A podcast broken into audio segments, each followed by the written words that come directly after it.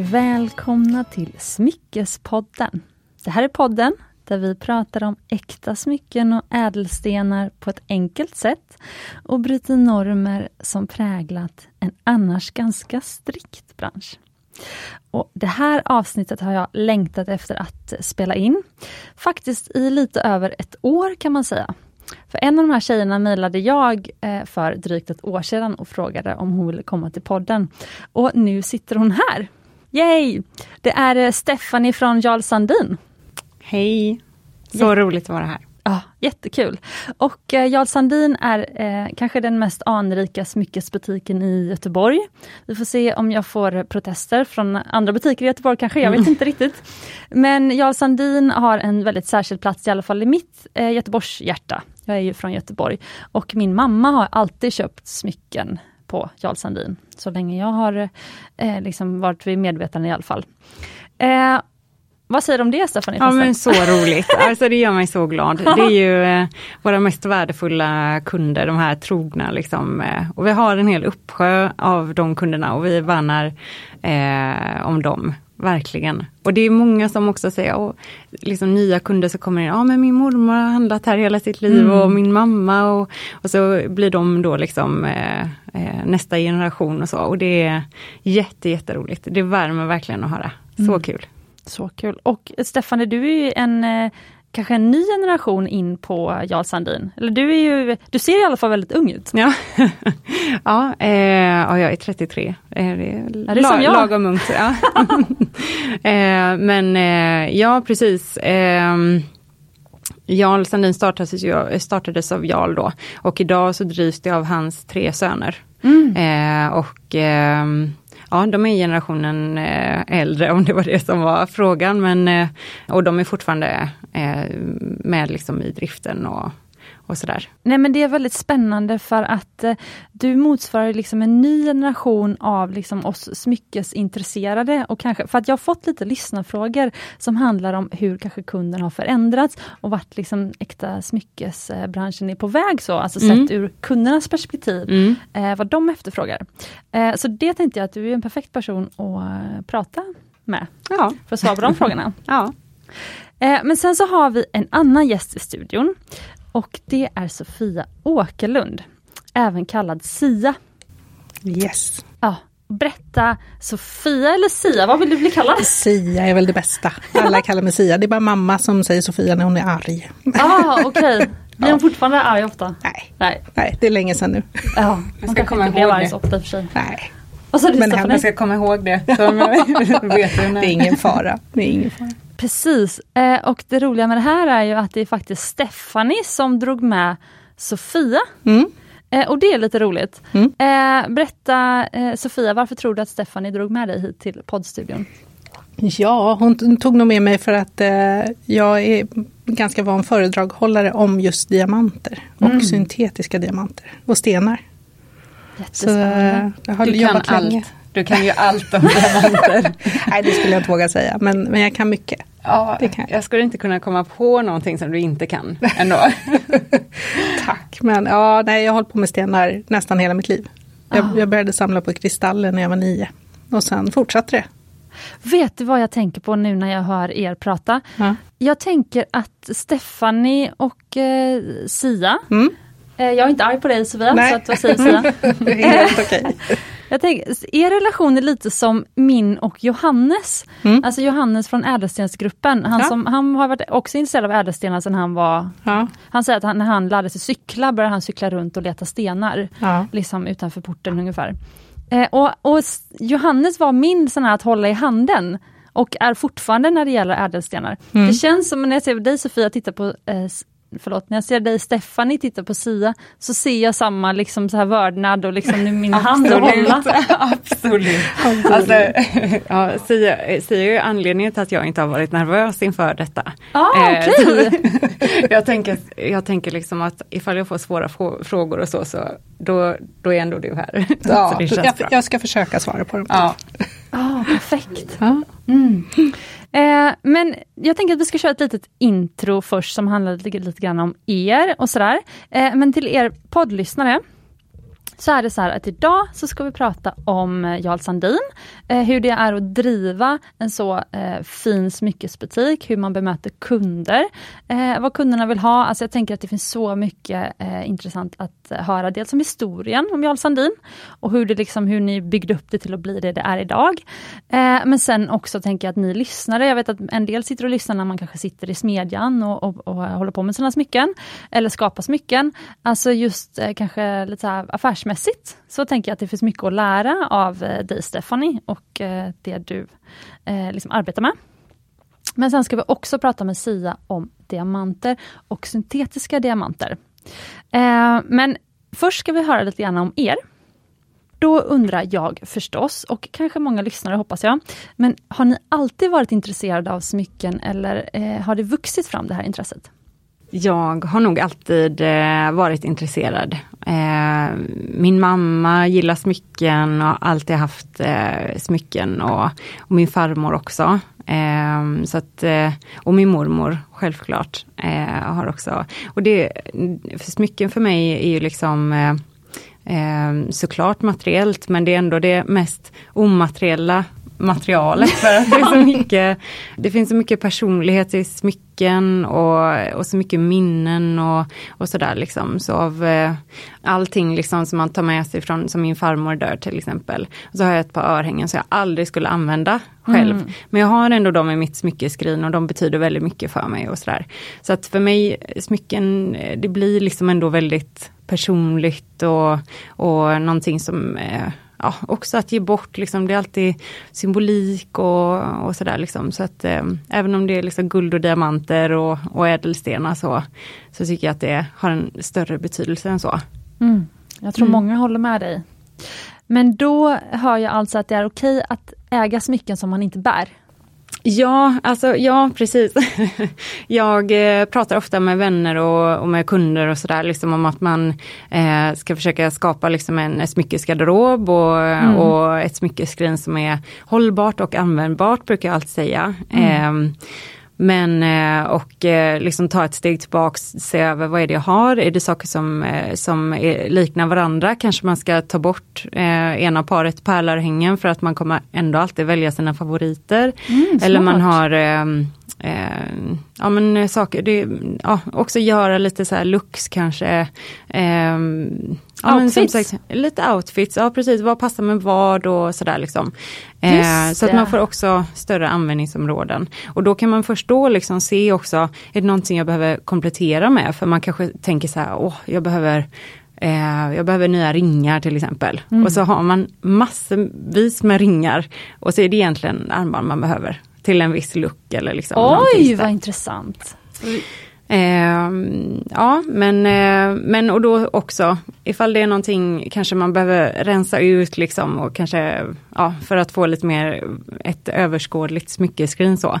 Men eh, och ta bort saker som man kanske inte använder då. Men, eh, men just sådana här ärvda smycken, de tycker jag de ska få ligga kvar. Jag tror alla eh, smyckesföretag behöver en Stephanie i sitt team. Det här är ju fantastiskt. Det är verkligen hur man använder smycken. Du ser ju smycken, liksom, för det jag har är att de är till för att användas. Och eh, det andra är, för jag relaterar bara när du sa att man eh, kanske tror att man behöver ringa, men man behöver egentligen armband. Så tänker jag på eh, min kära poddkollega Louise, Odo Juvel, eh, som säger att man kan, vad är det med ringar, man kan aldrig ha för många. Eh, men jag håller med dig och Louise, mm. för att eh, man behöver alltid ringa, men det kan ju också vara att ja. ibland ska man prioritera armband då. Ja precis, eller i alla fall, ja, men i alla fall titta lite grann, eh, se över liksom, vad är det jag har egentligen, för det är väldigt lätt också med smycken, alltså man, det finns ju ingen ände, man vill ju ha, man vill ju ha allt. Precis. Um, men kan vi inte utgå lite från dig här för att eh, sen ska vi strax gå över till dig Sia, men nu fastnar vi lite här. Eh, men ehm, för du är ju extremt snyggt stylad tycker jag. Tack! Alltså, ja, jätteroligt och du representerar ju flera olika guldsmeder och varumärken.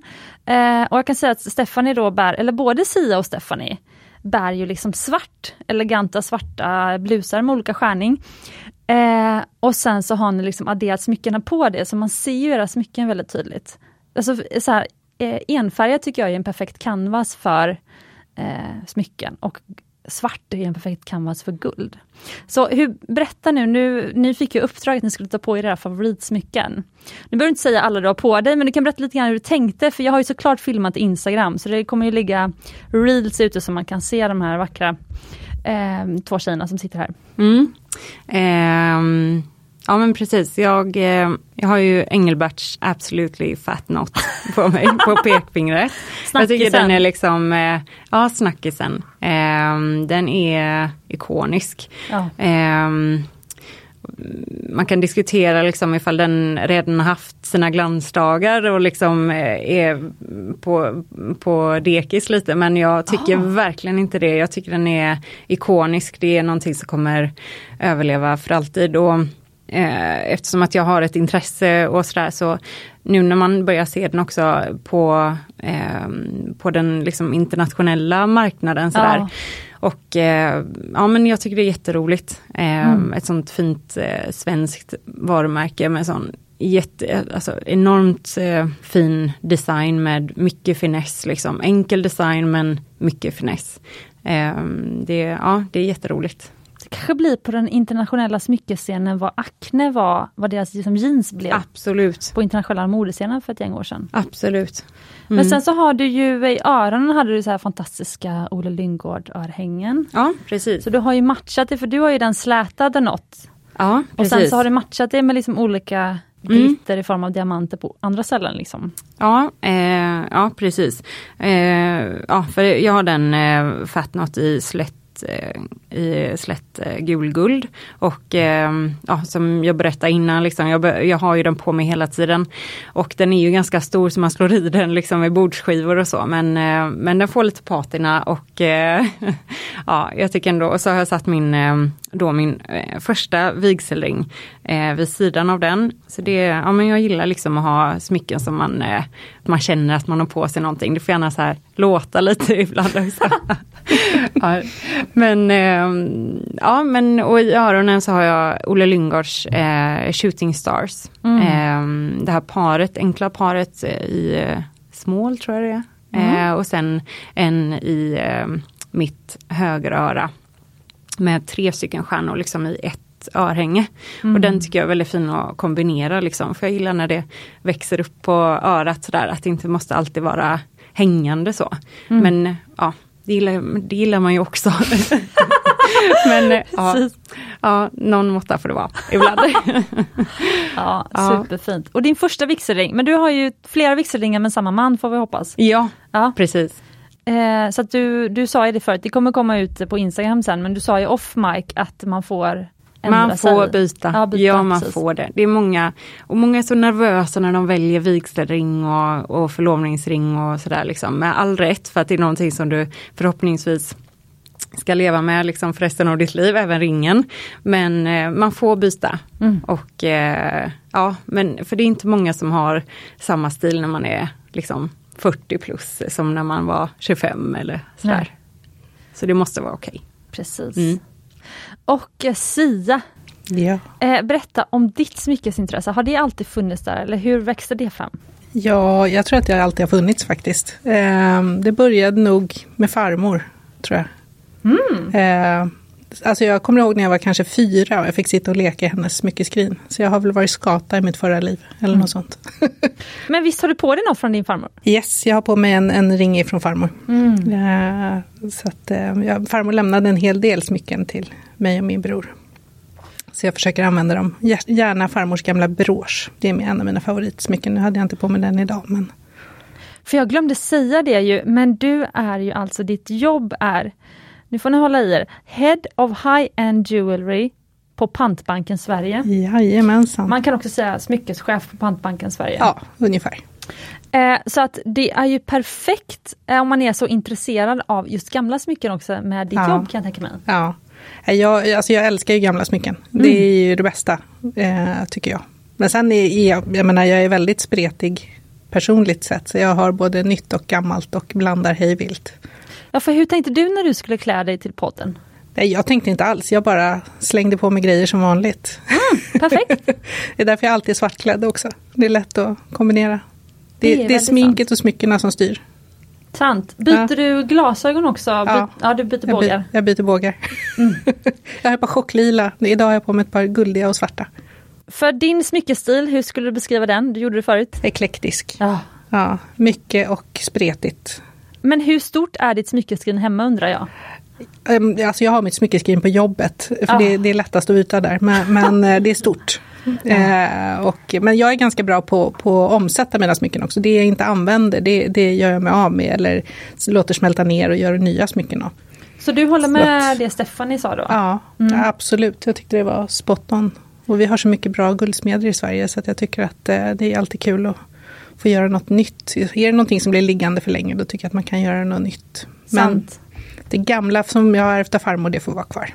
För ehm, jag vet inte om ni håller med mig där men eh, ibland kan jag behöva liksom lägga bort om det är något jag inte gillar. Nu säger ni för sig Mm. att nej men omsätt det då, liksom gör av med det i så fall. Mm. Eh, men att bara också stänga lådan och inte se det.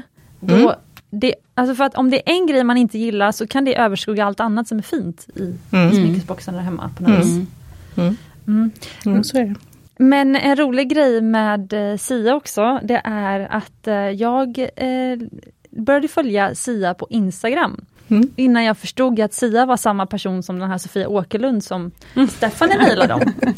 eh, och då skulle, hittade jag först till Sias privata Instagramkonto. Mm.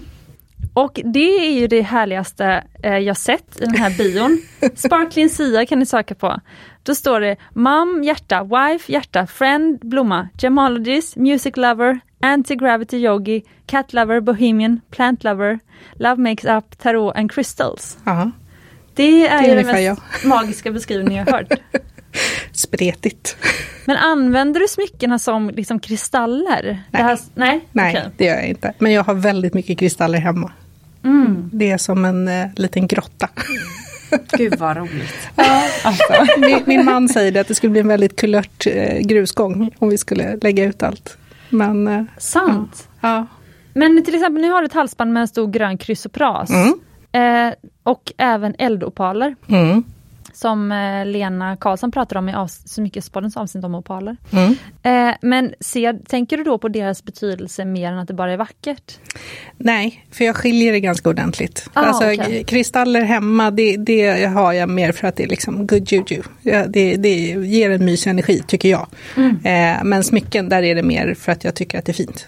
Mm. Så det, det är ingenting jag applicerar liksom, i mitt dagliga arbete, utan där tittar jag med andra ögon. Mm. Det, kristaller är mer för att jag tycker att det är härligt. Sen det kanske kan det jag- hänger lite ihop ändå, det vet jag inte. Man kan ju också övertala sig själv genom Ja. att tänka, oh, jo men de här retylkvarsörhängena, de Ja. skulle jag verkligen behöva. Så att jag får den här goda kristallviben i. Ja, fast jag, jag tror också att smycken, alltså är det smycken man tycker om så blir det good juju av det också. ja. Det, det blir bra vibes. Vad är det du säger? Good juju? Juju, ja nej men det är ett amerikanskt uttryck. Vad säger du? Du-du? Juju. Juju? Ja, det är liksom, det är good vibes. Typ. Ah, fantastiskt. Ja, det är bra energi kan man Ja. översätta det med.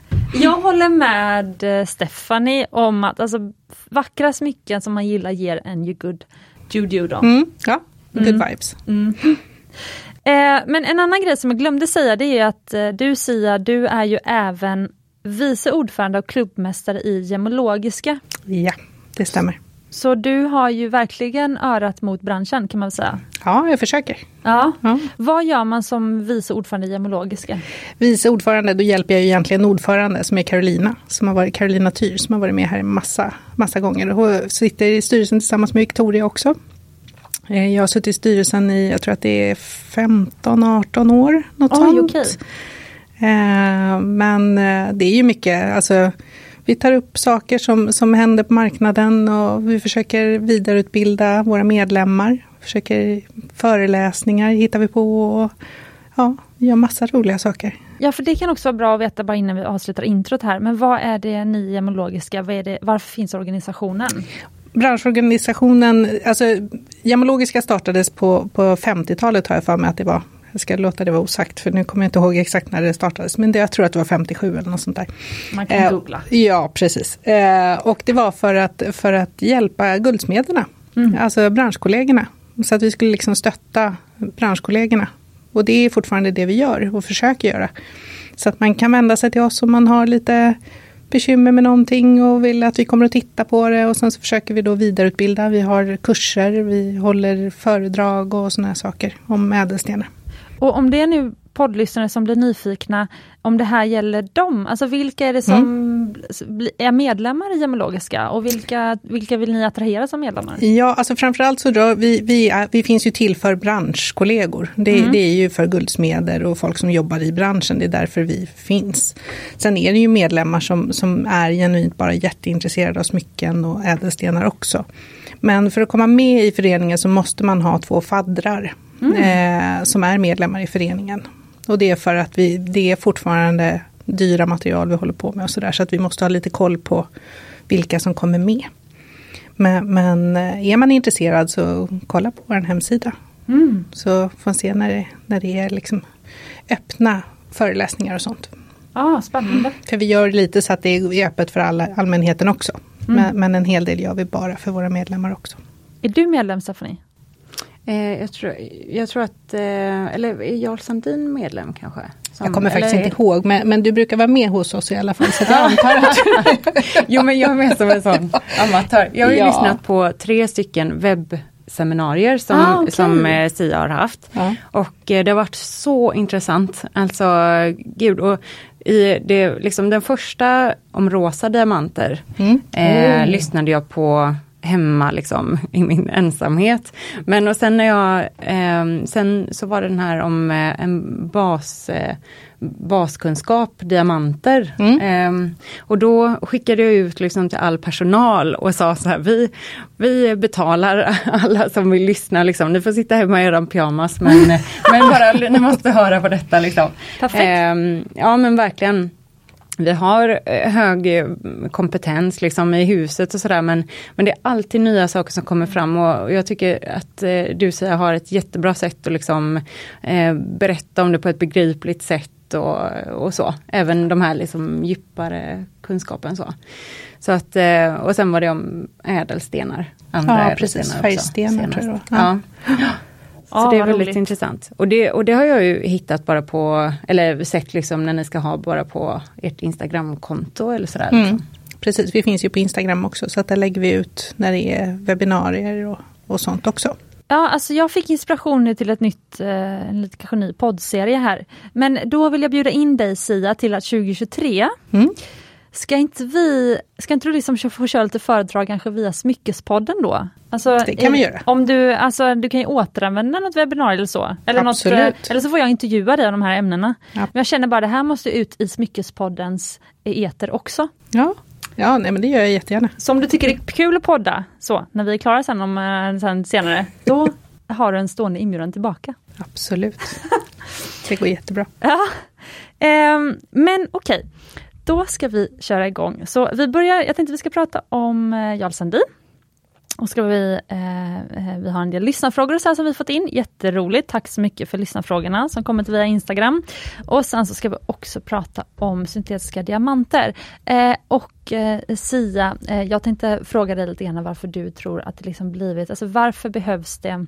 Ni sa ju det innan när ni kom hit, så sa ni så här, ja ah, det finns ingen lobbyism för naturliga diamanter, det finns bara för syntetiska. Så nu kommer vi hit och då kände jag Perfekt, det är det vi behöver. Så vi ska lobba lite för naturliga diamanter kan vi säga då sen. Mm.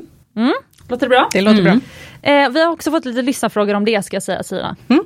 Spännande. Eh, men då kör vi igång.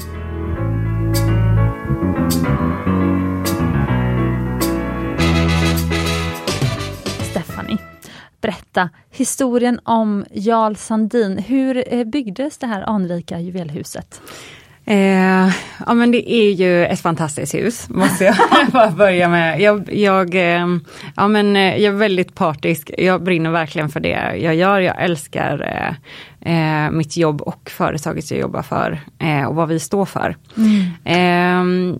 jag startade företaget 1956 mm. och jag pratade med, med Jarl och eh, sa så här, jag har alltid hört att eh, du startade liksom i en liten eh, källare på Engelbrektsgatan på två kvadratmeter.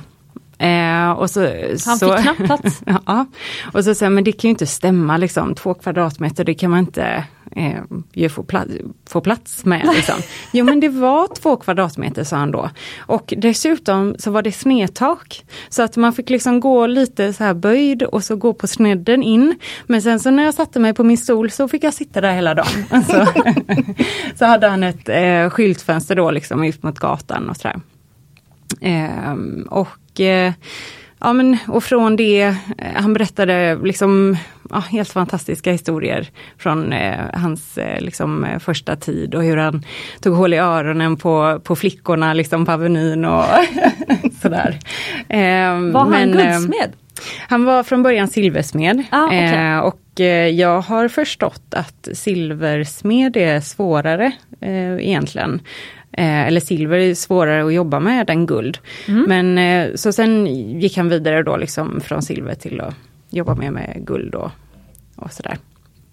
Eh, och eh, idag då eh, så finns vi ju på Kungsgatan 67. Så mm. vi här i Johannes plats i Göteborg. Och det är också vår, många tror att vi har liksom butiker lite här och var men, men det är där vi eh, vi finns, det är vårt hus liksom. Och vi har där tre våningar och vi har all produktion och allting i huset liksom. Jag tycker det är väldigt likt Kaplans, så utåt sett är det väldigt likt Kaplans, eh, eh, alltså just bara hur man, eh, när man ser det från gatan. Kaplans mm. i Stockholm, tycker okay. jag. Ja. Jag tycker att Jarl Sandin liksom ger samma vibe så när man är där på. Det är en väldigt tjusig, ni måste ju varit där i 30 år minst. Eller hur länge har ni varit på här Ja, det är en jättebra fråga. Jag vet ju detta men eh, eh, kommer inte på det just nu när eh, det var, vi, kan det ha varit på 70-talet? Mm. Ehm, eh, in i den lokalen där vi finns idag då. Mm. Men ehm, Eh, idag är vi 50 anställda, eh, ja, till och med några, några fler. Och eh, har ju dels vår egen smyckesproduktion då. Eh, och eh, vi har, eh, och så har vi andra varumärken då, smyckesvarumärken. Och så har vi klockor mm. också. Och urmakare, guldsmeder och business to business avdelning och försäkringsavdelning och allt möjligt. Så att det blir en hel en hel del människor sådär, så att man är aldrig ensam. Så det är kul. Business to business, då tänkte mm. jag på företag som köper smycken åt sina anställda av ja. er kanske? Ja men Nej. precis, jo så Jaha, är det. Okej. Okay. Mm. mm. Vad är det för smycken? Det kan vara allt möjligt. Ehm, det kan vara guldklockor. Jaha. Eh, de här vanliga för nit och redlighet i, vad är de, det står graverat på baksidan. Lång och trogen tjänst? Mm, ja, mm. typ så. Och så. Ehm, men sen kan det vara liksom våra egna diamanthängen, örhängen, något eh, också privata bolag som hade, eh, som vi specialdesignade till kanske, de vill ha någon, liksom, eh, ja, en ja, viss design eller sådär. Liksom. eller något. Ja, precis, det kan vara, och ibland roligare än, så. ja, nej men så det, och det, ja vad tror du det är som gjort att ni blivit så ikoniska för smycken i Göteborg? Gud vad roligt att höra att vi är det. ja, jag är lite ehm, starstruck här. Nej men ja, jag tycker det är så inspirerande. Uh, just eftersom jag, jag, tycker verkligen om de produkterna som ni, de varumärken ni tar in och de produkterna som ni liksom säljer. Ja vad kul! Mm. Ja vad kan det bero på? Alltså, jag tror för det första att vi har hållbar design eh, som eh, liksom vi vi går inte på alla trender sådär men, mm. men vi, och när vi även hoppar på trender som då nu för några år sedan när det blev lite nättare liksom, så var det ändå inte eh, super supernätt utan det ska ändå hålla ett helt liv och gärna några till. så. Eh, men eh, jag tror att vi liksom är eh, trogna våra värderingar. I alla fall eh, är jag väldigt stolt över att eh, att eh, vi liksom är väldigt transparenta. Mm. Eh, vi har vissa värderingar som, eh, som våra då tre ägare, Jarls tre söner, eh, håller på och även när det liksom blåser snålt och så, så, så håller vi fast vid dem. Eh, och vi, eh, ja men så att jag tror väl att det bygger, att ja, vi jobbar långsiktigt liksom och bygger relationer till kunder och sådär. Ja, för jag har sagt tidigare i ett avsnitt att eh, alltså när man får, en smyckeskund har du ett helt liv. Alltså när jag startade mitt smyckesmärke så trodde jag liksom att ja, men då kan man ju marknadsföra till vem som helst, spelar ingen roll vart de är i sin smyckesresa. Eh, men sen har jag insett att det är precis det som spelar roll, för att det är mycket lättare att så här, attrahera någon som just har blivit ny på smycken, att liksom vi blir deras juvelhus, mm. att säga då, inom ja, eh, citattecken. Eh, för att så här, sen, sen följer man, man, köp, man följer ofta samma märke genom livet. Mm. Eh, och jag tänker att i Göteborg, så det, eh, jag vet inte om det finns någon motsvarighet i Stockholm nämligen. För att det jag upplever är att så här, man, i Göteborg säger man, jag ska köpa något fint smycke, jag går till Jarl Sandin. Och då har ni, det är ni som en multibrand store. Kanske går att jämföra med NK juvelsalong här i Stockholm kanske.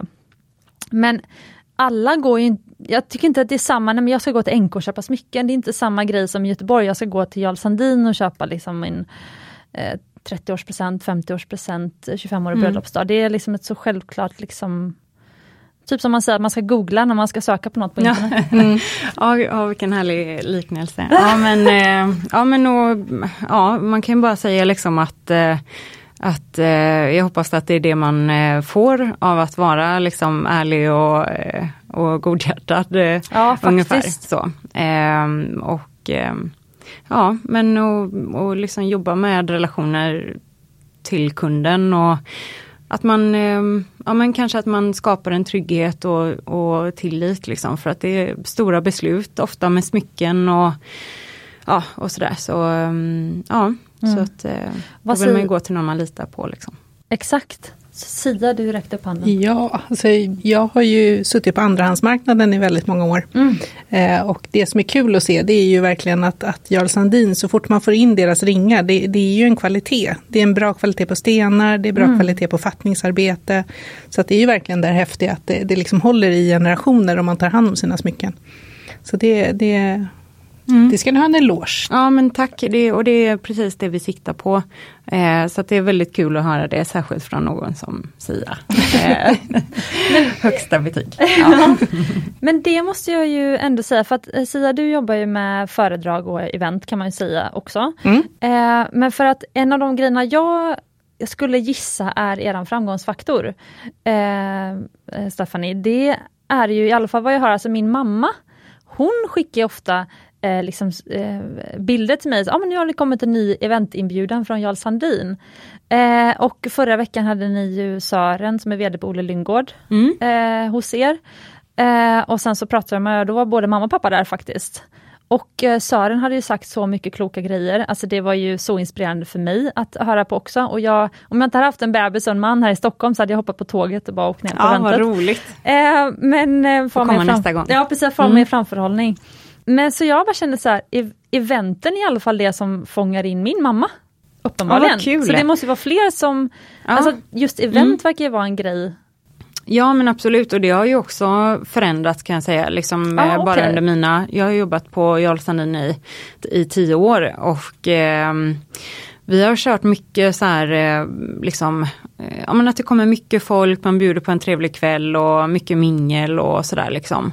Mm. Eh, men nu, det är väl också lite grann sviterna av pandemin och sådär men att man att vi nu liksom har lite fler privata små events, vi, mm. vi har liksom ja, små damklubbar som kommer och, och håller eh, diamantutbildning för dem, för det är också en del av, eh, av vårt DNA, liksom att utbilda kunden och, och, och sådär. Och det gör vi liksom genom att då kanske prata om diamanter i allmänhet. Och eh, ja, och det är också så här allmännyttigt ju. Ja, Diamanter, ja, ja. alla är intresserade. Eh, många kan lite eh, om någonting, det är några sådana här Eh, Eh, eh, mycket frågor, mycket engagemang och så. Så att det har verkligen, eh, ja men det är verkligen jätteroligt.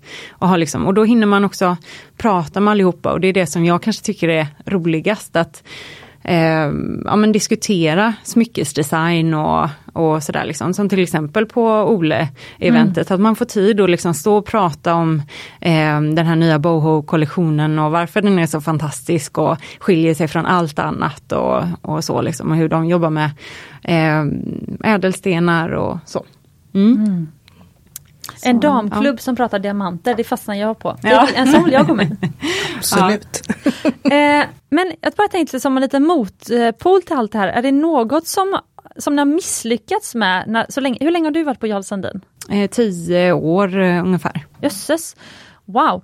Eh, för är det någonting som, som liksom inte flög, som liksom blev ett så här misslyckande där ni liksom missförstod marknaden? Alltså jag tänker att ett företag som har drivits sedan 1957, det är ganska mycket upp och ner. 56. Ja, ja. ja 56. Ja, jag skrev till och med upp 56. Ja. Jag skulle inte kolla på min fusklapp. Nej. Men, tack.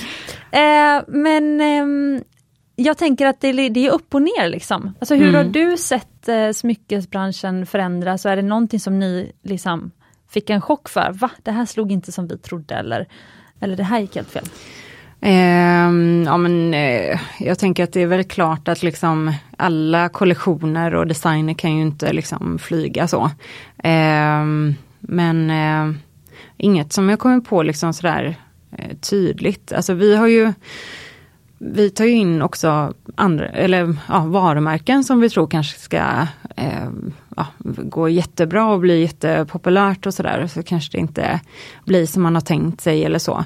Men sen även med varumärken så jobbar vi väldigt eh, långsiktigt så då kanske man liksom försöker ändå Eh, ja, men prata om det, eh, köra lite event kanske eller eh, eh om man utbildar personal och, och sådär. Men, eh, men att det ändå liksom går lite trögt så. Så det, är väl, eh, det är väl i så fall det skulle jag säga. Mm.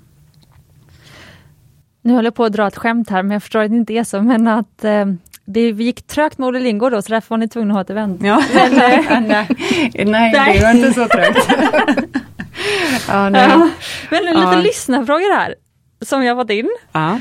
För att eh, det, var, det, det är faktiskt en lyssnare som spottade det här. Det här visste faktiskt inte jag, men det är klart att ni, jag vet ju det, för jag kom på att jag fick en, en, en konfirmationsring från er, som var från ert egna märke tror jag. Mm. För en lyssnare, en lyssnare har spottat, ni säljer ju ett eget varumärke också. Hur hanterar ni det i förhållande till de ni återförsäljare av? Um, ja, alltså det är en ständig fråga eh, ja. som vi har liksom i, eh, som vi pratar om i, i ledningen och sådär. Och, eh, vi, vi, någonting som, som i alla fall vägleder mig lite grann är liksom att vi är eh, huset Jarl Sandin. Mm. Vi är hem åt Sandin 1956 som är vårt eget eh, producerade varumärke då. Mm. Och eh, de Vigsel och Sandin 1956 då som är vårt varumärke är det är ju det vi gör bäst, det är där vi får också fram alla våra värderingar och liksom allting vi står för är mm. ju liksom ja, nedkokat i vårt eget varumärke och den produktionen då. Och eh, allting blir ju mera genomtänkt och, och så liksom med vårt eget. Och sen så självklart är vi liksom selektiva med vad vi tar in för varumärken och att de jobbar på, på ett visst sätt, liksom ett hållbart sätt och sådär. Och ja men eh, Sandin 1956, det, det är liksom, för det mesta så är det vigsel. Och, eh, och då hos oss så är ju det varumärket starkast. Så att i, i det liksom, om man, om man säger vi säljer ju Engelbert också. Mm. Men det är ju nästan ingen idé för oss att erbjuda deras vigselringar för att vi, vi är liksom så starka i vår egen butik med vår egen produktion. Eh, så att, ehm, det här är ju mm. extremt intressant och jag tänker faktiskt på det för att Sören sa någonting. Sören som är VD på Olle Lindgård, han är, han är sy- bror till Charlotte. Charlotte. Ja, ja precis. precis. Eh, så Sören, det här var min pappa som återberättade, eller om det var mamma. Ja, jag pratade med dem på högtalartelefon. Mm. Någon av dem sa i alla fall att Sören hade sagt att de är väldigt designdrivna. Så att det som Charlotte gör, det är det som alla sen får uppdrag att sälja. Och så sa, just det, för pappa ställde en fråga sen själv till Sören, det var så det var. Och då hade Sören i princip sagt att nej men den som har egna idéer, den får ja. gå och jobba någon annanstans. det här är så roligt, jag drog den här, eller jag, jag berättade, Sia och jag träffades lite innan här. Ja. Och då så berättade jag exakt den där ja. anekdoten, liksom. jag har aldrig hört den innan. Men det är så, för att jag har varit så fascinerad av liksom, eh, familjen Lyngård och att de kan få fram och jobba så, att Charlotte får liksom sitta sitta där och, och måla akvarell liksom, ja, tills det kommer fram alltså, de mest fantastiska sakerna och bara få liksom, göra sin grej så.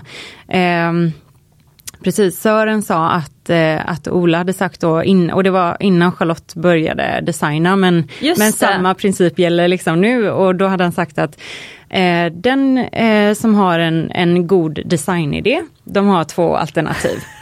Nummer ett, du slänger det i papperskorgen och så jobbar du vidare. Eller så eh, tar du din goda idé, säger upp dig och så startar du ett eget varumärke. För att här i detta huset så är det våran design som gäller. Och eh, de har ju liksom inte, efter att ha varit eh, hos dem också och liksom eh, fått känna på liksom deras företagskultur, det är liksom inte talande för deras företagskultur, det, brukar, det är inte så hårt liksom. Men, men det är ändå, jag tror att det är nog deras framgångsfaktor, att det är så liksom kompromisslöst. Ehm. Det är ganska danskt också, man är ganska rakt på sak tänker jag. Ja, precis. Så. Ja, men samtidigt känner jag så här, eh, att jag blev så himla inspirerad, för jag kan känna ibland själv, eh, speciellt nu också när jag skulle vara mammaledig och lite mer frånvarande det här året, eh, så fick jag liksom lägga över lite mer, men Fanny fick ta lite mer ansvar på produktionen till exempel och sådär. Och även lite mer liksom hjälpa till lite mer med produktutveckling och liksom produktutveckla lite mer utifrån de design som jag redan har skapat en gång. Men sen känner jag så att jag har näst, det bästa med att nu sen två veckor tillbaka så är jag liksom ja, men min kille är liksom 100% pappaledig så jag är liksom tillbaka och mycket mer tid. Och jag bara har fått designglädjen igen. Och då bara känner så här, jag ska gå tillbaka till det som var mig förr i tiden och det som, liksom, det som Sören, jag ska lyssna på Sören nu. Liksom jag ska designa det jag vill, jag orkar inte ha örat mot marken längre. Mm. För jag och Fanny har haft örat mot marken så himla mycket det här året. Liksom. Vad är det liksom kunderna vill ha och så vidare. Och nu känner jag bara, nej jag ska göra det jag vill ha igen. Och då får jag, blir jag så mycket mer inspirerad. Och det som är så häftigt, det jag bara hör när du pratar om att, så här, men att, att komma och sälja förlovningssolitärer hos oss, alltså vi har ju våra egna. Eh, och då kan jag känna så här, precis, och det är det här som är värdet i, ett, i design och varumärken, så ni som lyssnar och liksom designar och har kanske egna varumärken och sådär. Alltså jag bara känner, kör, gör din grej.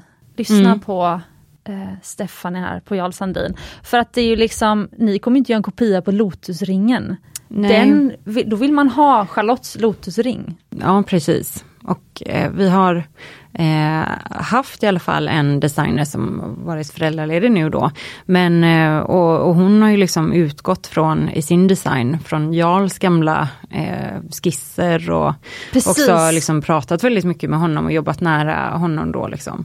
Ehm, så mm, ja, nej men så att det ska ändå gå någon slags eh, röd tråd liksom. Exakt. Man ska ändå kunna se ja, men, man ska ändå kunna se liksom var den kommer ifrån, ringen eller smycket eller så tycker jag. Men det lärde jag också när Tobias från Georg Jensen var här. Han sa ju det att Georg Jensen har ju som en grej att de nästan alltid har eh, designsamarbeten. Men mm. det ska ju följa en Georg Jensen-tråd. Mm, precis. Så. Mm.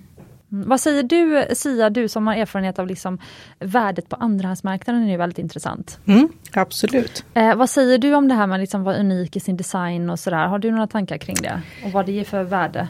Ja, alltså det blir ju alltid mer populärt om man, om man håller sig till det man kan bra. Mm. Eh, för det är ju faktiskt kvalitet, det är ju det som håller i längden. Mm. Och det ser man ju även på andrahandsvärdet.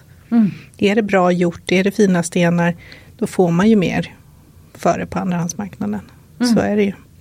Och sen är det ju det att jag menar, vi på andrahandsmarknaden försöker ju också jobba upp vi försöker alltid skriva ut i auktionsbeskrivningar till exempel vem det är som har tillverkat det. Då ser man då att ja, men det är Jarl Sandin som har gjort den här. Då vet ju kunderna också mm. att det här är bra kvalitet för att det håller en viss standard. Eller kan ju vara vilken, vilken annan bra guldsmed som helst egentligen. Men, men vi försöker verkligen att, att liksom visa hur mycket duktiga svenska guldsmeder vi har. Mm. För det är stor skillnad på om man får in ringar från, från utlandet till exempel som kanske inte håller måttet riktigt varken kvalitetsmässigt eller, eller ren funktionsmässigt heller för den delen. Spretiga klor och, och så. Skriver ni det då i beskrivningen? Ja men den här kommer nog gå sönder om några år. Vi skriver, vi skriver om det i slitage. Ja, okay, det, det gör vi ju. Absolut. Eh, är det liksom slitna klor och sånt, det kan ju förvisso hända även på, på liksom fina guldsmedsarbeten att klorna blir slitna. Men, men sånt skriver vi alltid. Men däremot försöker vi vara noggranna med att, att skriva liksom om det är en, en bra svensk guldsmed som har gjort det. Mm. För då vill man ju att, att kunden vet vem det är som har tillverkat det. Mm. Det blir lite mervärde. För om vi ska göra lite fin övergång här till eh, diamanter och mm. naturliga versus syntetiska. Mm. Så har ju vi sagt flera gånger här i podden att eh, syntetiska diamanter har inget värde på andrahandsmarknaden. Nej. Stämmer det? Det stämmer. Så hur på pantbanken då, om ni får in, mm. kollar ni alltid för det första om det är ja. syntetiska? Eller? Ja, i, i den mån, jag kan inte stå för att alla pantbanker kan det, för det, det är väldigt avancerad utrustning man använder. Men, men, på min pantbank där jag sitter, där kollar vi alla stenar som kommer in. Mm. Eh, och absolut, det slinker in småstenar, det gör det. Men då, då räknar vi bort för dem. Mm. Men är det större stenar, vi ger ingenting för dem. Så att, kommer man med en enkaratare, visst du kan få låna på guldet, men, men du får ingenting för stenen. På riktigt? Ja tyvärr är det så. Men hur kommer det sig, alltså det är ju, i så fall är det ju scams alla företag som säljer syntetiska? Eller hur? Ja, alltså scams är väl lite hårt, hårdrare för att jag menar det finns ju massa, massa märken som säljer, säljer saker som inte är ädelmetall eller som är, är Ja, ja, ja, det är sant. Ja. Det är som bijouterier då, ja, kan man säga det som. Ja, ja, ja. så att det, det, det är väl där, men det är en problematik idag, det skulle jag säga. För att det, det, är inte alla som vet vad det är de säljer och det är inte alla som är tydliga med vad de säljer till, till kunden. Och då är det tråkigt när det är vi på andrahandsmarknaden som måste förklara för kunderna att jag är ledsen men den här stenen som du har betalat jättemycket pengar för kan vi inte ge någonting för.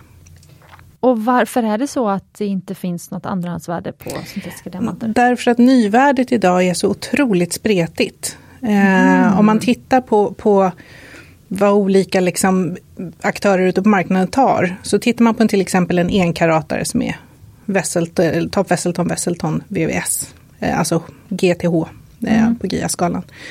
Då kan man hitta priser från 45 000 till 14 000 till 5 000. Nej. Och då är det svårt, var hamnar då andrahandspriset? För ska jag basera det på 5 000 kronor, ja men då är vi ju nere på en 600 spänn. Så att det, det, är där, det finns liksom, diamantpriserna håller sig ju ganska stabila och man har liksom lister att gå efter och då vet man att andrahandspriset ligger ju en viss procent under det på ett ungefär. Och då kan man liksom basera det på det, men, men syntetpriserna de har ju droppat så otroligt mycket de senaste åren. Kan inte du berätta menar... lite om syntetiska rubiner? Gärna. Jag tycker det ändå ja. är relevant. Liksom. Ja, I, nej, I den här alltså, debatten så kan man bara likna det vid Ja, nej, men tittar man historiskt sett så kom ju de syntetiska rubinerna tidigt 1900-tal. Eh, och då var de jättedyra. Mm. Kostade hur mycket pengar som helst. Och det var ju så fantastiskt för att människan kunde helt plötsligt göra det naturen har gjort på miljontals år. Eh, och så folk köpte ju jättemycket syntetiska rubiner och safirer i, i fina art deco-smycken och sådär. Som kostade hur mycket som helst. Och jag menar idag när vi får in syntetiska rubiner, då är det slängs i papperskorgen. Liksom. Mm. Det är ju inget värde, vi drar ju av för det. Men just att, Och det är ju där det är liksom lite på väg med diamanterna också. Tittar man från 2016 till exempel då var, var diamantpriserna, alltså syntetiska diamantpriserna låg ungefär 16 procent under vad de naturliga låg. Idag är de nere på 96-97 procent under vad de naturliga ligger på. Så att eh, det, det, har ju gått drastiskt neråt. Och mm. då är det väldigt svårt att, att ha ett andrahandsmarknadspris på dem. Men det jag inte förstår då är om det är så billigt att köpa en syntetisk diamant, mm. hur kommer det sig att många lyckas sälja syntetiska diamantringar för mycket mer än så? Alltså borde inte det vara allmänt känt då? Att... Alltså det, vi i Gemologiska föreningen har ju pratat ganska mycket om det. Vi har försökt att, förmedla liksom, vad är skillnaden på syntetisk och naturlig? Jag menar, en naturlig diamant, det tar naturliga, naturen mellan 900 miljoner till 3,3 miljarder år att tillverka en diamant. Den syntetiska diamanten tar åtta dagar mm. i en fabrik. Eh, och jag tycker att det är rätt fascinerande. Det har ju varit en otroligt stark PR-maskin eh, för syntetiska. Det, det, går, det går ut och säger att det ska vara så liksom miljövänligt. Det finns ju absolut massor med, med, fakta som säger att det är jättemiljövänligt men det finns också saker som säger det motsatta. Så att det beror ju lite på vad, statistik är ju det är ju väldigt godtyckligt. Det beror på vart, vad man tittar på. Mm. Men eh, ja, jag tycker att det, det har varit en extremt stark PR-maskin och det är ju för att de tjänar väldigt, väldigt mycket pengar på det. Men varför kan vi inte lägga in en PR-maskin för antikdiamanter istället? Vi försöker ju. vi älskar ju diamanter som är, är gammelslipade och, och som har suttit... Och jag, jag, menar, jag pratar ju mycket så med, med liksom kunderna som kommer till mig och handlar. Eh, där, där försöker jag ju slå ett slag för äldre diamanter. Och så går man till en guldsmed och så gör man ett, ett nytt smycke av den gamla diamanten istället. För jag hade en liten fågel som viskade i mitt öra Mm. att ett av de varumärkena som ni säljer, tror jag, eh, Stephanie, på Jarl Sandin, eller i alla fall har sålt, eh, Michael O'Dwyer, Mm. att han har börjat med syntetiska diamanter nu. Mm, precis, men inte hos oss. Nej, då har ni sagt ni får, han får inte sälja det hos er, eller vad? Ja precis, alltså vi eh, eh, har ju tagit ett beslut att inte arbeta alls med syntetiska diamanter eller labbodlade diamanter då, vad man vill eh, kalla det. Men eh, så att eh, ja, vi, vi har jobbat länge med Michael O'Dwyer och har, han har jättefina ringar och de kommer vi ha kvar men, eh, men syntetiska diamanter liksom, är det inte för oss. Eh, och särskilt då i den här eh, det här uppdraget som vi har gett oss själva att utbilda alla våra kunder. Ja. Eh, då, då känns det liksom inte, eh, ja men det känns inte rätt liksom och, och vi, om, vi, vi, vi kan inte stå liksom och med gott samvete prata för eh, fabrikstillverkade diamanter liksom. Och, vi, och om vi då har i vårt DNA och vår ryggrad att vi ska vara transparenta liksom. Mm. Det, det går inte hand i hand tycker vi. Nej. Mm. Förstår. Eh, för jag har en eh, rolig lyssnarfråga tycker jag. Mm. Man kan tro att det är jag som ställer den här frågan. Men däremot är det faktiskt en stammis hos eh, Mumbai Stockholm som också älskar Smyckespodden. Men hon, man kan alltid, om jag ställer en fråga, vill, eh, har ni någon lyssnarfråga? Hon kommer alltid med en fråga. Och hon har nu skrivit en fantastisk fråga. Har ni någon speciell ni handlar diamanter och färgstenar av och kan man få titta på stenar i butik? Hon är göteborgare kommer jag på. Ja vad roligt. Mm, hon kanske är stammis hos er också, jag kan inte avslöja namnet. Men, mm. Hoppas det. Får bli det annars. Ehm, vi, eh, vad var frågan? Ja, Ifall vi har lösa jag stenar. pratar runt det. Har ni någon speciell ni handlar diamanter och färgstenar av? Det tyckte jag var roligt. Och sen så kan man få titta på stenar i butik. Det var så Eh, roligt. Ja, precis. Eh, ja, vi har en, en eh, speciell eh, som vi handlar diamanter av. Och eh, det är ju då Jarls son Torgny, den Ah. yngsta av hans söner, Torgny Sandin, som handlar in alla våra diamanter. Ah, och eh, han gör det av samma person som han, så, ja, sedan 70-talet. Ah. Eh, och anledningen till det är Eh, just att, eh, att vi kan garantera liksom att, eh, att de har alla de här tre certifikaten som vi vill ha på eh, diamanter och eh, att det är eh, absolut topp, topp bästa eh, slipning. Och det är det som sen då Sia ser när hon får in dem på andra hand. Liksom.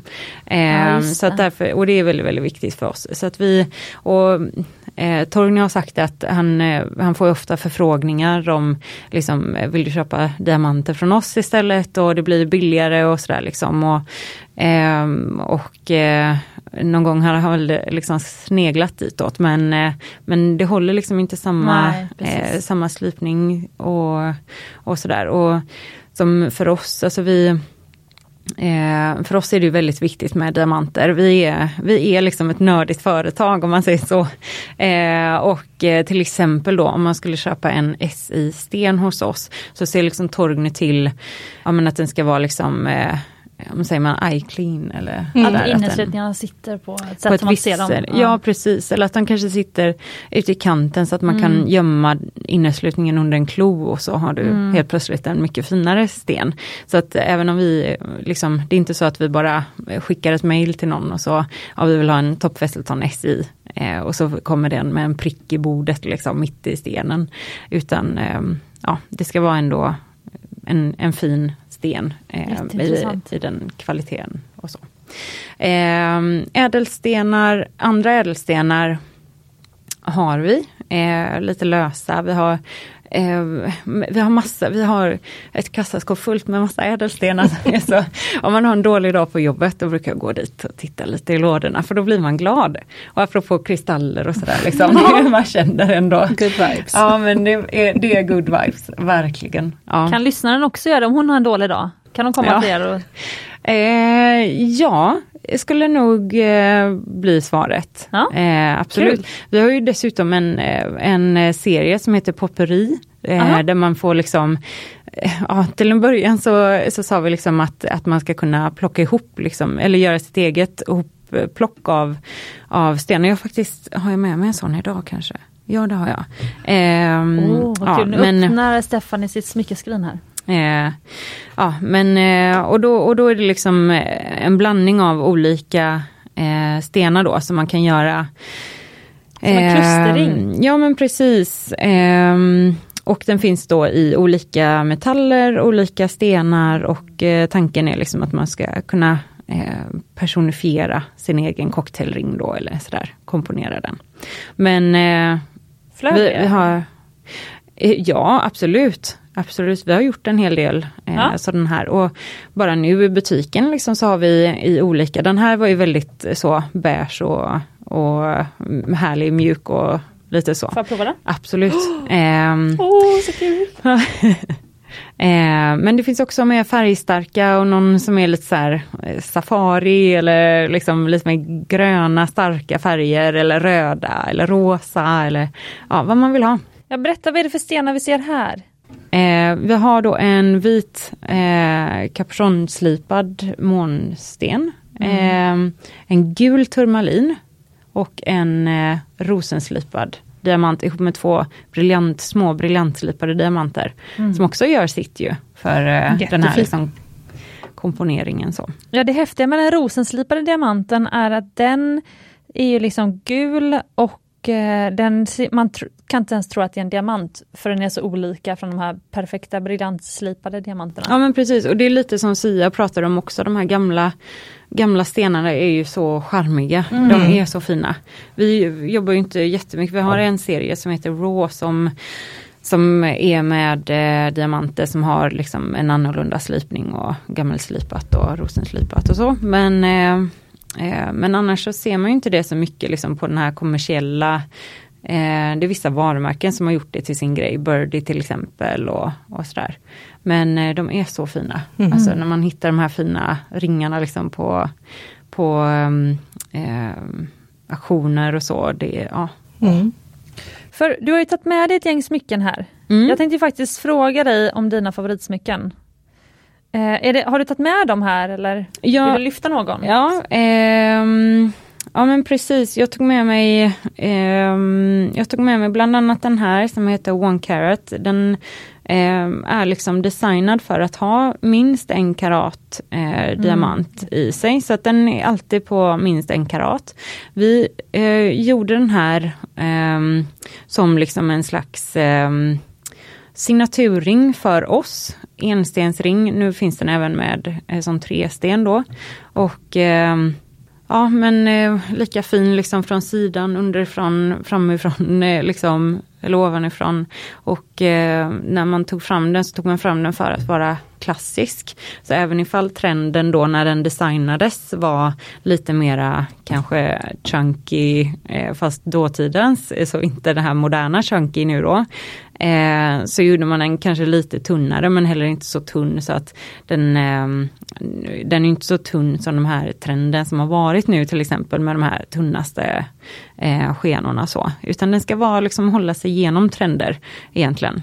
Ja, jag tycker att den är precis som det du pratade om innan. Alltså jag tycker verkligen att ni håller vad ni lovar i det här, eh, liksom vad ni lovade ett, ett löfte till liksom kunden och sen så att ni levererar för att den är ju inte så tunn som de trendiga tunna är, men den är ju absolut inte, kan ju inte anses som en chunky ring. Nej, precis. Så den är ju på ett sätt eh, då totalt trendlös. Ja. Skulle man kunna säga. Tack vad snäll du är. Ja det kan ju vara negativt också ja. i och för sig. Nej, men på precis, nej, men, det är helt, ja. nej men det är helt rätt, den är, liksom, den är klassisk, det ska den vara liksom. Mm. Och den eh, ändrar vi inte på liksom, i första taget så. Och sen att den smalnar av lite vid, precis vid fattningen gör att när du sätter en alliansring eh, mm. till då till exempel eh, den, så ska den liksom hamna Eh, rakt. Ja, rakt och intill så. Nu är den kanske ganska hög men det, jag tror det funkar bra ändå. Mm. Eh, men, ja, men så att så. För det har jag fått en lyssnarfråga om. Eh, hur har kundernas preferenser ändrats över tid och vad tror ni då, det här är till Sia med, vad tror ni är nästa grej? Om jag ska börja så, så eh, vi ser ju framförallt om jag tittar tillbaka kanske senaste liksom 10-15 åren så har vi ju gått från att vara ganska modesta i Sverige till att vara lite mer vågade. Mm. Man vågar färgstenar helt plötsligt, vilket man inte gjorde för 15 år sedan. Eh, och eh, nu har vi mycket stora enstensringar. Och jag menar för 10-15 år sedan då var det ju väldigt mycket liksom två klassiska alliansringar. Vilken att, eh, färg är mest populär upplever du om folk kommer till dig och frågar så? Alltså, generellt sett så är vi ju väldigt fokuserade på, på färg och renhet. Så det ska ju vara topp, topp, topp hela tiden. Man vill ha liksom topp Wesselton, som vi säger då. Eh, G till H och det ska vara rent. Men eh, jag tycker att slipningen är det allra viktigaste faktiskt. Ja men jag tänkte på om du sa att folk ja, vågar med färg. Ja färgstenar tänker jag på. Nu, för nu sa du en ja. vit diamantkvalitet. ja precis, nu tänker jag vita på diamanter. Men, men, nej, men alltså färgstenar, det är ju mycket safirer fortfarande. Eh, det är ju fortfarande, vi gillar blått i Sverige. Och har alltid gjort och kommer nog alltid att göra. Men ja. man ser även att, att smaragder och rubiner säljer mer nu än vad det gjorde för, för 10-15 år sedan. Okej, för när du sa att det blir mer och mer viktigt med färg så menar du att vi blir kräsnare om vitheten på diamant? Nej, utan jag, jag men, då menade jag färgstenar ja, generellt. Men det är ju mm. fortfarande mm. diamanter som är liksom det största som, som vi ser. I alla fall Men nu när vi ändå pratar om färgstenar och vigselringar då i samma kontext. Så Elsa Billgren, har inte hon en sån här eh, liksom med Safir eller någonting sånt där? Är det någon som... Hon har ju en tresensring som du har faktiskt Stephanie, men eh, med en pärla i mitten och två diamanter vid sidan. Sen Aha. nu följer jag inte hennes blogg slaviskt men jag håller lite koll på henne. Mm. Tycker hon är fascinerande. Eh, och eh, hennes pärla trillar ju ur Mm. Och då skickade jag en screen, screenshot till min kollega Fanny och sa jag det var det här vi visste. Att pärlan skulle trilla ut någon gång. Mm. Eh, men då står det det, typ, jag har för mig det stod i, i blogginlägget eller instagrammet att ah, jag funderar på om eh, jag ska nu byta ut till en stor diamant eller en annan liksom, finsten. Mm. Mm. mm. Eh. Ja, för hon har också bytt, eh, tror jag, ett par gånger. Ah, okej. Okay. Eh, ja, Eh, eller ett par gånger, inte vet jag. Men eh, jag tror att jag har sett i alla fall en, två, två olika vigselringar. För har du sett eh. några trender hos er? Kring hur de har ändrats? Ja men absolut. Alltså, jag tycker att det har varit den här liksom tunna light liksom nätta, nätta små skenor, små diamanter och så kanske någon någon större sten liksom i mitten. Mm. Eh, och sen mm, också har det varit de här halo-ringarna, liksom en sten med, som är kantad av många, mm. många små, lite Michael O'Dwyer mm. eh, stuk som vi också har varianter på då. Men eh, jag tycker nog också som Sia säger liksom att, att man i Sverige vågar liksom låta sin personlighet komma fram eh, lite mer kanske, att man vågar eh, välja det man själv tycker om lite mer än, än bara följa liksom, trender och så. Och sen är jag ganska övertygad om att det kommer bli nu en mottrend liksom mot mer eh, chunky och sådär liksom lite större kanske alliansringar. Som du liksom har faktiskt. Ett, ja men precis och den valde jag för jag tycker liksom att den eh, absolut att den blir glittrig och sådär liksom men, men den är också cool. Det, mm. det, är en mm. klofattad allians. Och jag tycker liksom att den, eh, och jag har lite lekt med tanken att jag skulle ha eh, liksom två två sådana bara bredvid mm. varandra. Inte ha någon liksom solitär eller någonting sånt mm. utan bara, bara två sådana. Liksom. Så att jag tror att eh, jag tror att det blir lite grann det nya Netta kanske.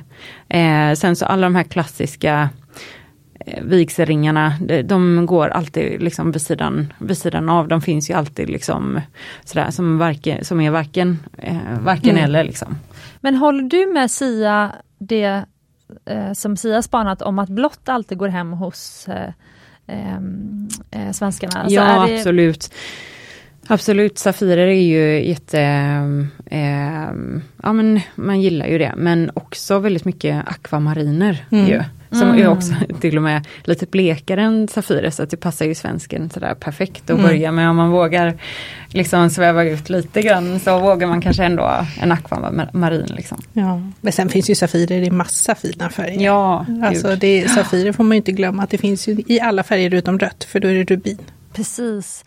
Men eh, om jag då ska avslöja för Mumbai, alltså våran är ju, eh, ja, vi, en av våra signaturfärger är ju då brunt, olika nyanser av bruna diamanter, men Mm. alltså sen är det ju grönt. Mm. Alltså grön turmalin, våran, en annan lite som har blivit en signatur, olivgrön Safir. Mm. Alltså det säljer, om vi vill göra en publikfriare så, så gör vi ju grönt. Mm. Och det har varit rätt länge alltså. Så att det här med Ja. blått, jag känner inte, vi har svårare att sälja blått faktiskt. Ja, det, det har kommit mer och mer har jag hört från eh, ja, olika håll i branschen att det är mycket teal-safirer. De här som är lite blågröna. Oh. Det är väldigt hett, i alla fall på engelska marknaden just nu. De eh, det är tydligen väldigt svåra att få tag på. Så det har börjat poppa upp. Jag har googlat nu och det här är något för dig Hanna, smyckeskompisarna kan jag säga. Mm. Teal, det är trevligt. Ehm, men jag kan tänka mig också att det går lite hand i hand med ditt varumärke, liksom det här gröna och så. Det är, det är liksom som eh, i profilen liksom inte kanske så, så är inte, du är inte så blå liksom eller sådär. Mm, så man, sant. eh, Nej, eller det, liksom sant. att det är lite Mm. mer så naturliga färger. Och om jag tittar på till exempel Olle Lyngard så är ju deras eh, liksom gröna turmaliner är ju fantastiska och, Mm. och i till exempel den här nya serien Boho Mm. där de kombinerar då rutilkvarts med eh, olivgrön turmalin. Liksom. Det är jätte, jättevackert och de är, ja, alla älskar dem. Eh, Jag Mm. vet inte, och, och, men å andra sidan så kom de ju här nyligen med en eh, akvamarin med, så de hade kombinerat då en akvamarin och en opal. Och det var åh, det vackraste jag sett. Jag vet, alltså deras, nej det är korall. Alltså lotusring med rosa korall, det har jag varit min ja. drömring hur länge som helst. Ja. Ehm, Men sen tycker jag att det är lite skillnad. Man ser skillnad också på om, om man pratar smaragdgrönt. Den kanske inte har varit supertrendig. Men däremot turmalingrönt. Ja. Och, och safirer får ju en annan grön färg. De får ju en lite vad ska man säga, blå, blågrön gul ton. Den ser ju väldigt, väldigt annorlunda ut. Jag, jag tycker mer att jag ser att peridot, turmalin, grönt, den typen av grönt har blivit mycket trendigare än, än egentligen den rena smaragdgröna som är så här klart precis, precis. Men det där går ju, det går ju vågor. För du har på dig en smaragdgrön ring skulle jag Ja, vilja säga. jag har en jätte, jättegrön ring. Ja, och din eh, kryssopras som du har halsbandet, Ja. det är också så här smaragdgrön, det är helt magiskt. Ja, alltså jag älskar ju grönt. Ja. Eh, Det är egentligen inte den färgen jag klär bäst i, men, men det struntar jag i. Det håller jag inte med om. Eller jag tänker att du och jag har samma färger och jag Ja. vill ju tänka att jag klär i grönt för jag gillar ju grönt. Ja, jag så, älskar så kan du inte grönt. säga. Nej, nej men jag, jag tänker på om man tittar på Victoria till exempel, är ju så vansinnigt snygg i, Jag i vet, smaragder. Ja, hon är så vacker. Victoria Jewel Escape. Mm. ja, precis. Men, men eh, jag klär absolut inte i det på samma sätt. Men det spelar ingen roll, för jag tycker om det ändå. Ja, jag, jag till- har det på mig ändå. Ja, jag håller inte med det överhuvudtaget. Så att, eh, lägg ner med det där. Men jag måste bara säga, jag googlade upp den här Olle Lindgård-ringen du pratade om Stephanie. Eh, den är ju helt totalt magiskt vacker. Ja. Och eh, alltså jag har ju, jag satt, jag sa ju att jag satt och tänkte i bilen på smycken, jag hade på musik och sen tänkte jag på vilka smycken jag vill skapa. Eh, men då tänkte jag på chokladdiamanter och mörkgrön turmalin. Och så var jag Mm. jag måste hitta något, jag ska gå till showroomet sen och se vad vi har i gömmorna där. Mm. Eh, men ehm, det här är ju den här färgen, det är alltså en champagnefärgad, liksom kanske ljus chokladfärgad um, rutilkvarts och sen så är det en mörkt mörkt grön turmalin Mm. i en och samma ring. Mm. Eh, för det tänkte jag fråga, eh, Olle Lyngård är ju, de är ju mästare på färg. Mm. Så jag, det är ju, mamma bär ju eh, bara Olle Lyngård och sen så nu då såklart Mumbai för hon har ju inget val. men eh, så jag har också alltid varit så, ja, det har varit mitt favoritmärke sen, men sen mamma började bära liksom Olle Lyngård. Ehm, och de är ju mästare på färg. Ja. Så vad, vad ser du där för, för liksom, eller får du säga det? Vadå? Vad som går bäst, vilken färg som går bäst liksom bland svenskarna eller bland era butiker? Ehm, Eller bland era kunder? Ja, precis. Ehm, ja, men retilkvartsen och vit och grå månsten skulle jag väl säga är liksom så här safea, bra val så.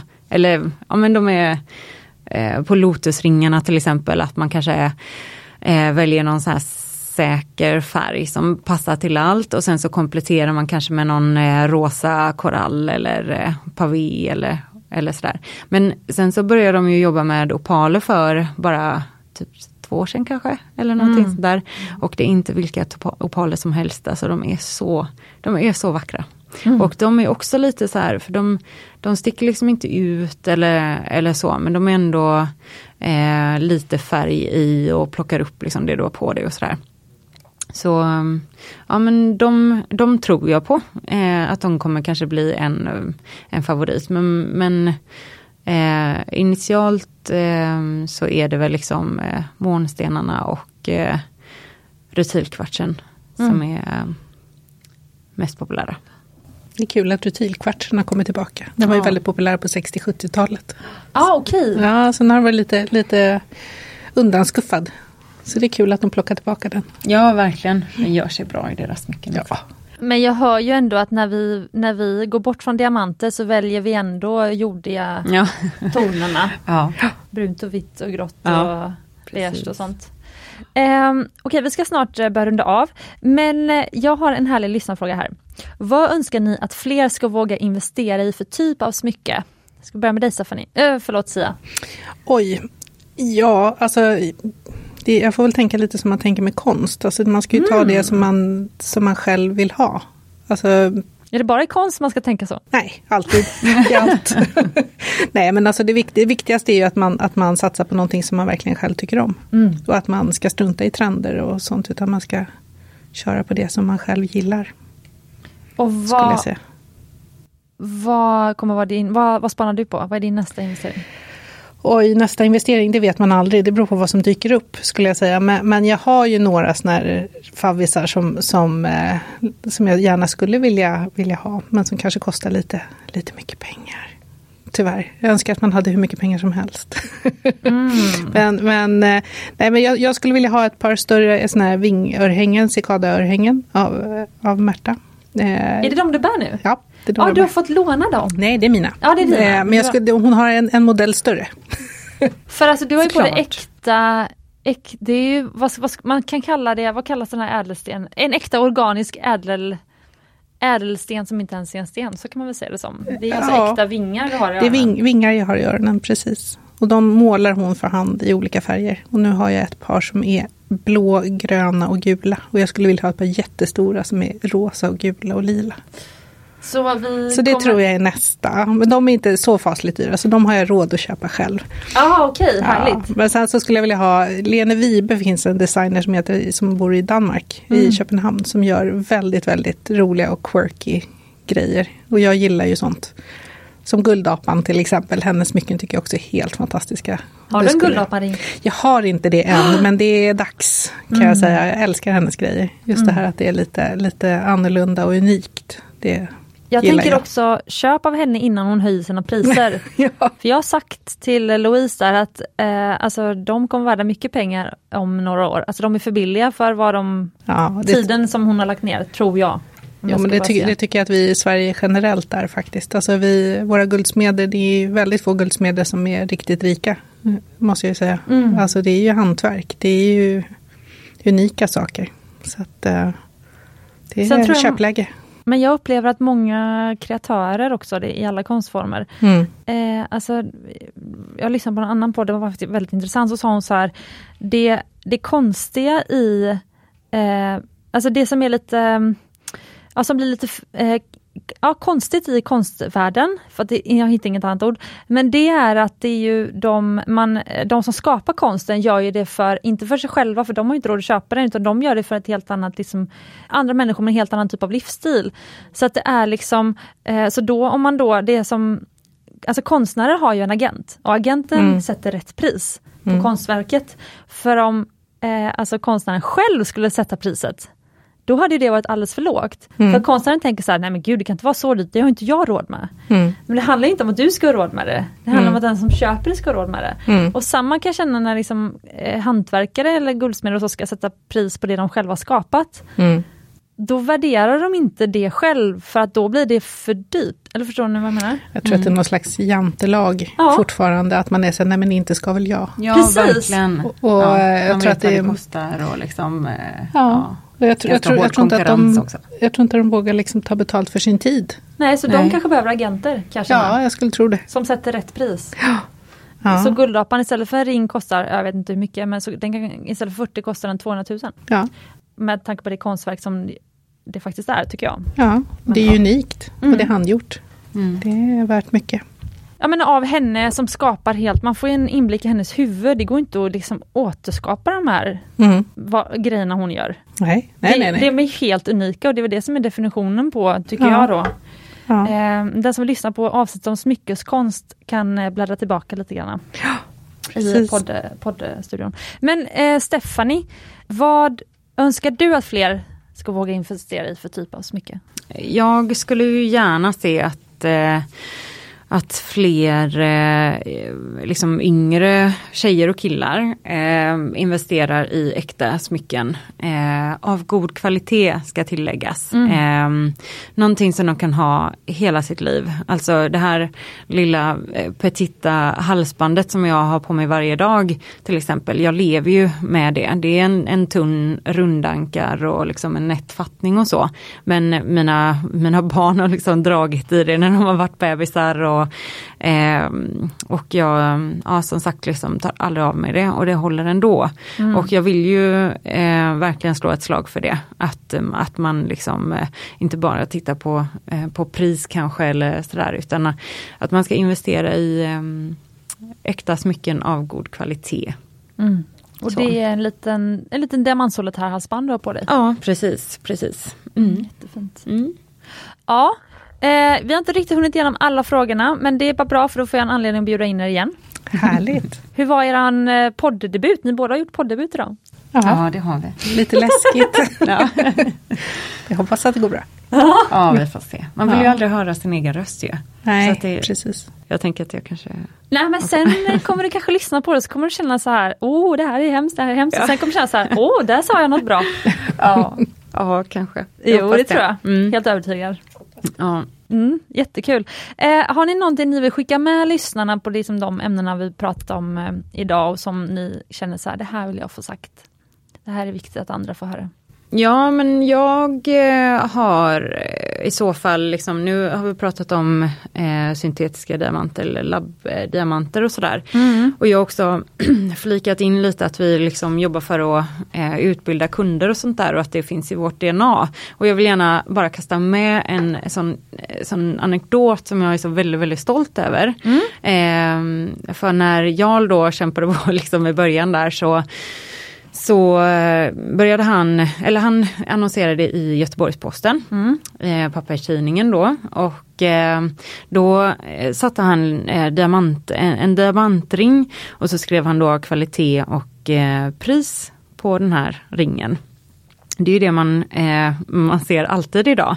Men det, blev, det var första gången någon gjorde så. Eh, så att det blev liksom ramaskri och alla, alla liksom i branschen, eh, liksom, du måste ta bort den, du får inte göra så här. Och det är liksom, eh, vad ska vi andra göra, vad ska vi säga? För att då, på den tiden så pratade man om att liksom, eh, ja, men det här är en fin diamant eller den här är lite sämre diamant. Eller jag skulle vilja ha den här ringen med, med en, eh, en fin diamant eller sådär bara. Och även personal som liksom jobbade i, i guldsmeds eh, eller hos juvelerare eh, visste liksom inte de här fyra c som, som vi alla är, ju är bekanta med idag. Eh, och eh, jag skulle, ja men och, det, och, och det, det här blev en sån stor grej så att jag blev utkastad ur Guldsmedsförbundet. Nej. Och eh, jo, eh, det blev sånt ramaskri och jag är så stolt över hela den här händelsen liksom. För att det säger så mycket om, om oss tycker jag och eh, ja, men transparensen och vad det betyder liksom att utbilda kunden för att vi tror ju ändå att om vi utbildar kunden eh, i vår butik, liksom folk som väljer att, att ändå gå till oss och titta, vi förstår ju att de kommer gå till konkurrenter och sådär. Vi hoppas ju att de ställer rätt frågor hos konkurrenterna så att, de, så att vi vinner i slutändan, så att de ändå kommer till oss. Liksom. Jag brukar kalla det branschkollegor. Ja, precis. Ja. För vi hjälper ju varandra. Vi gör ju det. Men, precis så. Men mm. eh, gud vad härligt för att det här går ju då tillbaka till introt i Smyckespoddens intro att vi bryter normer. Mm. Och det gjorde ju han.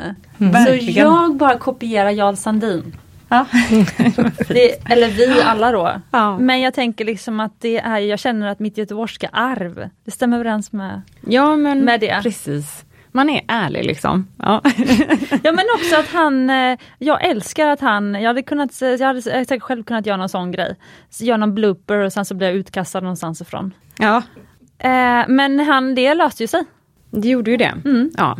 Så att, eh, ja, men jag ska det finns säga i ryggraden då på 50-talet, jag vet inte om det var på 50-talet som han gjorde det här, men det var ju då som GIA spred det här, eh, alltså Gemological Institute of America, det var ju då, då de spred det här eh, certifieringssystemet med de fyra sena som officiellt över hela världen. Mm. Så han kanske var bland de första i Sverige att adaptera det från dem. Kanske. Vi hade skandinaviska diamantnomenklaturen i Sverige också. Det är det, ah, vi, det, är det vi kallar River Top Vesselton Vesselton. Så det var ett samarbete mellan de skandinaviska länderna. Det stämmer! Jaha, ah, det var också från 50-talet. Ah, häftigt! Ja. Mm. Så att vi hade, vi hade det innan, innan GIA kom till Sverige så, så använde vi skandinaviska diamantnomenklaturen. Mm. Som många av oss fortfarande gör. Ja, härligt. Och eh, har du någonting du vill eh, skicka med Sia? Ja, nej men alltså jag, jag tycker väl att man får inte glömma när man köper naturliga stenar att man faktiskt hjälper till att sponsra en väldans massa människor som jobbar med det här. Mm. Det, det, är väldigt många människor som är beroende av diamantindustrin. Så att eh, det är bra att ha med sig i bakfickan. Mm. Att man faktiskt hjälper till och, och sätter mat på borden i andra länder. Mm. Det, är en, det, är en, stor apparat. Mm. Så det kan vara bra att minnas. Mm. Och vill man köpa eh, helt miljövänligt så köper man second hand på pantbanken, eller hur är det? Absolut. Mm. Nej, nej, men det går, det går bra att handla hos, hos eh, vanliga juvelerare också. Idag i Sverige så har vi, vi följer alla regler och lagar så att det, det, man kan köpa säkert i Sverige generellt. Men eh, ett hållbart sätt är ju absolut att handla på andrahandsmarknaden. Mm. Så är det. Och eh, för de nu som eh, vill komma i kontakt med er båda efter det här avsnittet. Absolut. Eh, hur gör man det då? Ska du börja då Sia? Mig, mig mm. kan man nå på, på Pantbanken Östermalm. Där mm. sitter jag. Så att, det är bara att komma in och fråga efter mig. Och vilken gata är det? Storgatan 8 i Stockholm. Mm. Så det är bara att komma förbi och säga hej. Och man kan följa dig på Instagram? Man kan följa mig på Instagram. Jag heter Sparkling Sia official, är min, mitt öppna konto. Mitt Sparkling Sia är mitt slutna konto som jag bara har folk som jag vet vilka de är. Mm. och eh, Stephanie? Um, ja, jag finns på Kungsgatan 67 då på Jarl Sandin. Um, I Göteborg? I Göteborg, precis. Så det är alltid värt att åka en sväng till Göteborg, mm. tycker jag. Finns Kommer du i sociala medier?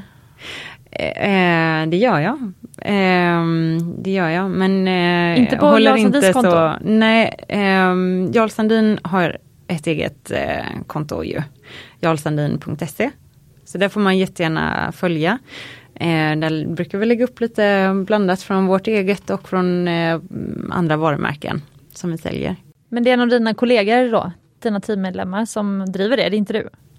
Eh, nej, vi, eh, vi har faktiskt eh, ett team som sitter och, och ah, ja. jobbar lite grann med eh, med det men också med eh, eh, kanske mer annon annonser och, och sånt där liksom. Men, eh, men jag är absolut med i, eh, i gruppen.